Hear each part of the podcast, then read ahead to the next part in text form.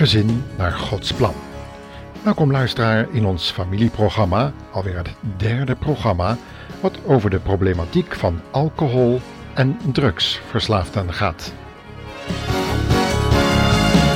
Weet je wat ze vertellen? Goed nieuws. De Messias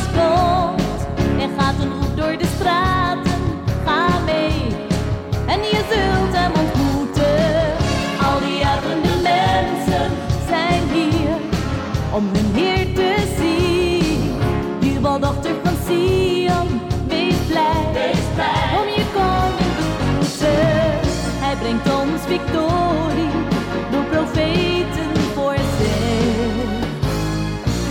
Geef hem de glorie, laten wij voor hem buigen. In aanbidding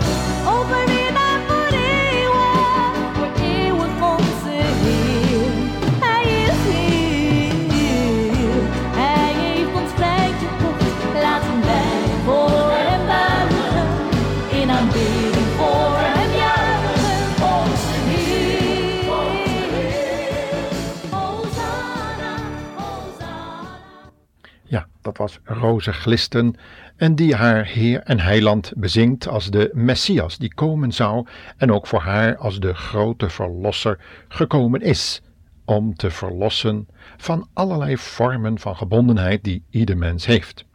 In het bijzonder drugs- en alcoholverslaafden. En daarover gaat dit programma.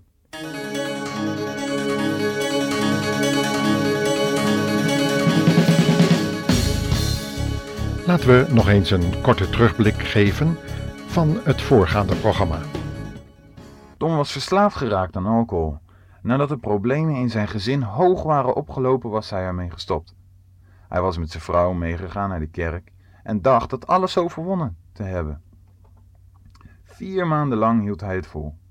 Toen kon hij de verleiding niet weerstaan en opende de fles die hij van een zakenrelatie had gekregen. De alcohol bewerkte, in combinatie met de medicijnen die hij innam, zo'n ziek gevoel in zijn lichaam dat hij ten einde raad was. Met wanhopige gevoelens of hij ooit nog van de alcohol af zou kunnen komen, besloot hij naar het bureau voor alcoholbestrijding te gaan. En daar raakte hij in gesprek met Jerry, een gelovige die zelf vroeger alcoholist was geweest. Tom vertelde dat hij niet meer wist hoe hij verder moest. Jerry liet hem stapje voor stapje de gevolgen van zijn daden zien. Ook dat Tom niet zo dom had moeten zijn om die fles bij hem op kantoor te laten staan. En te denken dat hij zo flink zou zijn dat hij er wel vanaf zou kunnen blijven.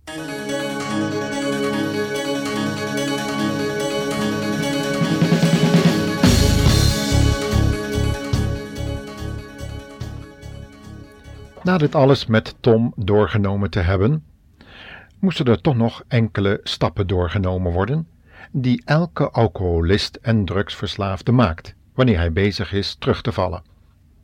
Deze weg terug is heel erg pijnlijk, maar nodig. Anders blijft de verslaafde in die visueuze cirkel zitten en het probleem wordt niet opgelost. De eerste stap die een drugs- of alcoholverslaafde terugmaakt, terug naar de verslaving, is de stap die volgt na een schijnbare periode van overwinning, dat hij de fles niet heeft aangeraakt. Bij de een is dat vijf dagen, bij de ander een aantal maanden, zoals in het geval van Tom, en bij de ander kan dat zelfs tien jaar zijn. Op deze stap volgt de trots, de zelfverheffing, een ongezonde mate van zelfrespect, omdat het terugbrengt van de Heer Jezus en in de handen werkt van de Satan. die dat zelfbedrog wil stimuleren. Want zonder de Heer Jezus kunnen we niets. Als we Hem niet als onze Verlosser in ons leven aanhalen, accepteren, dan zullen we deze trots onmiddellijk in onszelf kunnen opmerken. Dan volgt er een tweede stap terug op het hellende pad. Dat is het pad van de angst voor de tweede slok. Wanneer er al een slok is geweest en daarna juist ervan afgebleven kon worden, dan is daar dat brandende gevoel in je bloed, in je hele lichaam. En het schreeuwt om meer. Wanneer we dan deze, deze enorme vraag naar meer, naar alcohol, als we die nee met nee kunnen beantwoorden, dan vinden we dat we al heel wat gepresteerd hebben. En onmiddellijk komt dan weer, ondanks die schreeuw in het bloed, komt dan die trots naar boven. En het zelfrespect wordt nog sterker, maar ook het zelfbedrog, de zelfverheffing, het gevoel van zelfoverschatting en het je trots voelen en ook het neerzien op andere alcoholisten die maar niet van die fles af kunnen blijven. En jij hebt het al zoveel maanden of zelfs al jaren ervan af kunnen blijven. Wanneer deze gevoelens er nog steeds zijn, de gevoelens van zelfverheffing en trots, dan zijn we nog niet van ons alcoholprobleem verlost. Iedereen en iedere alcoholist en drugsverslaafde kan dat bij zichzelf controleren. Dat is dus die vierde stap. En nu zijn we bij de vijfde stap aangekomen. Deze volgt op een heel natuurlijke manier.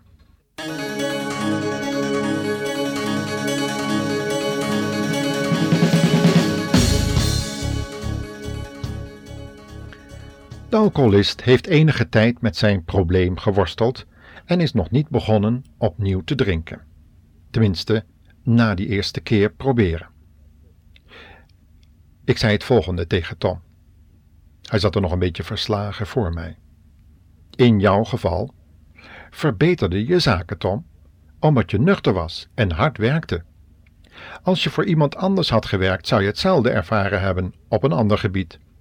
Je collega's zouden achter je rug om geen grapjes meer over je gemaakt hebben.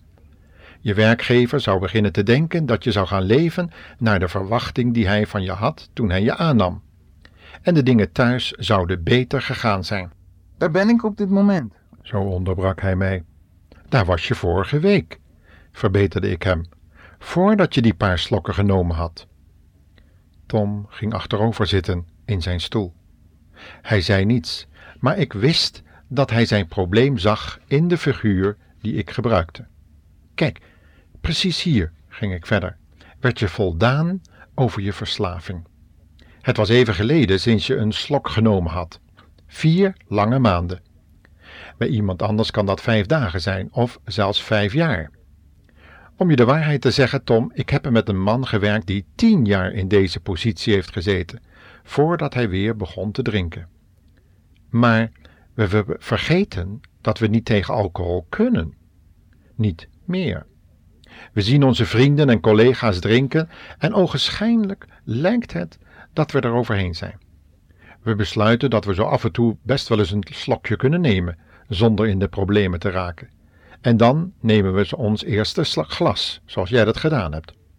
En dan zitten we in de vernietigende draaimolen van alcohol en drugsgebruik.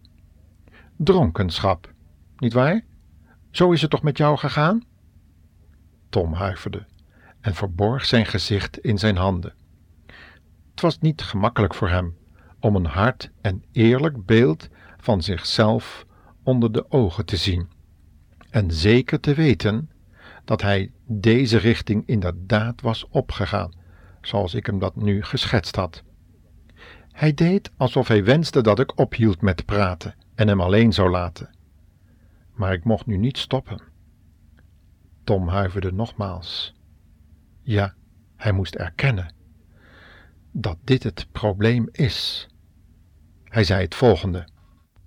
We leven in een maatschappij die wordt gedomineerd door de alcohol. Overal word je ermee geconfronteerd. We leven in zo'n omgeving en we kunnen het niet drinken. Niet eens een klein glaasje soppie. Ja, Tom, dat is dan ook een van de redenen dat je weer bent gaan drinken. Toen hij weer in staat was om op te kijken, vervolgde ik met hem te vertellen dat er meer andere subtiele verleidingen waren die een man aan het drinken zetten. Want al die verleidingen, zoals dat zojuist gezegd is, komen van alle kanten op ons af. En onze fysieke verslaving, die een uitwerking op ons heeft, heeft nu eenmaal de, het effect dat ons lichaam blijft vragen. En zullen we ervoor moeten waken dat onze beslissing om niet meer te drinken niet verzwakt wordt door zo'n manier dat we het niet eens in de gaten hebben, totdat we uiteindelijk weer beginnen te drinken. Dat is precies zoals het is, Jerry. Ik weet het, Tom. Je wordt er moe van, nietwaar? Ik ben diezelfde weg gegaan. En soms komt er zo'n grote moeheid over mij. Dan gaf ik het maar op. Ik had geen zin meer om te vechten. Waarom zou ik me ook nog aan mensen hechten? Mensen die ik toch maar steeds teleurstelde. Het was een verschrikkelijke eenzaamheid. Wacht, er is een lied van. Luister maar.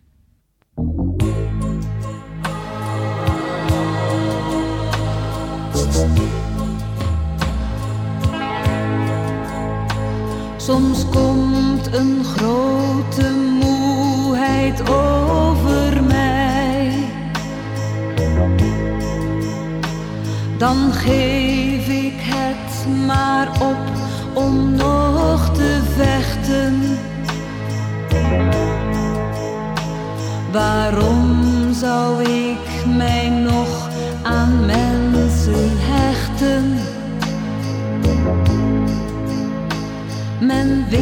slechts nieuwe eenzaamheid erbij. Waarom zijt gij zo hard voor wie gelooft?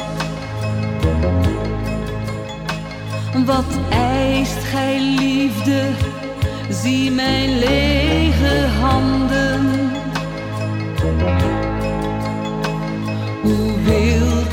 dat mijn lamp zal blijven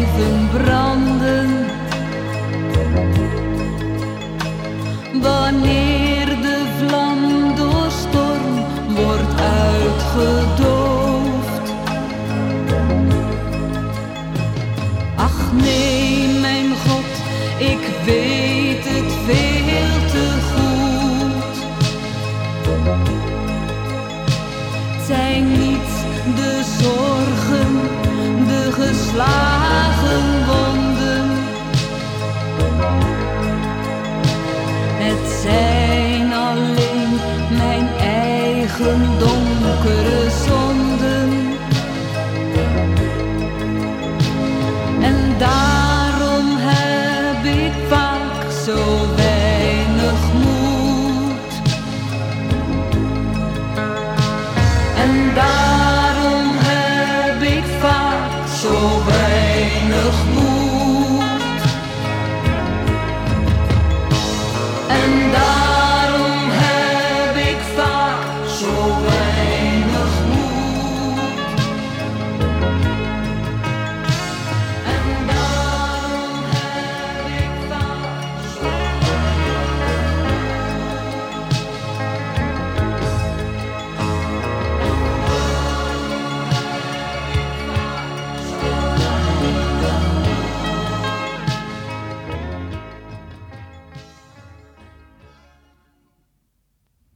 Zeg me, Tom, ben je werkelijk geïnteresseerd in het feit dat God je leven wil leiden?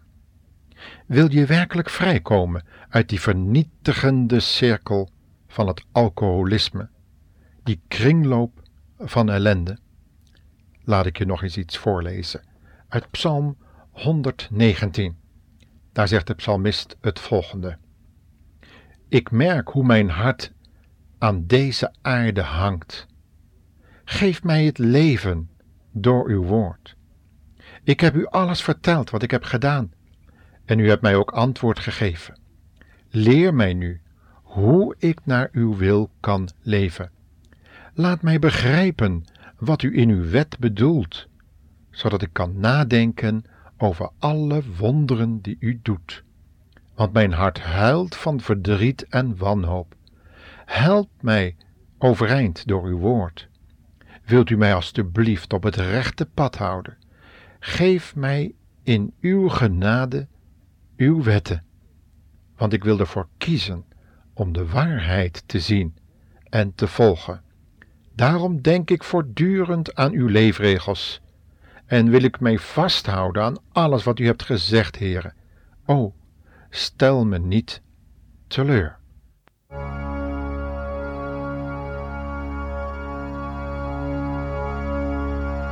Ik hef mijn open handen tot u op en smeek u of gij ze opnieuw wilt vullen.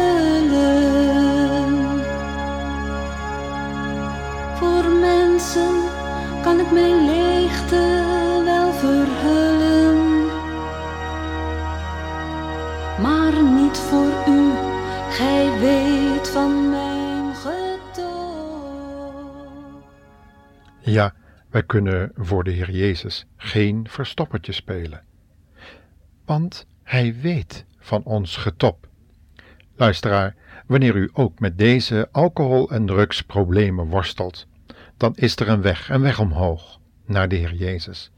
Maar die weg gaat ook, en we zouden dat willen benadrukken, een weg waarop u veel op uw knieën zult komen te liggen, in volle afhankelijkheid, en waarin de trots gebroken moet worden en omgezet in volledige afhankelijkheid. In een volgend programma willen we het slot van deze problematiek bespreken.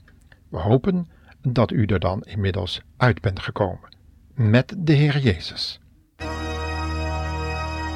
Nu kijk ik naar mijn handen, ze zijn leeg.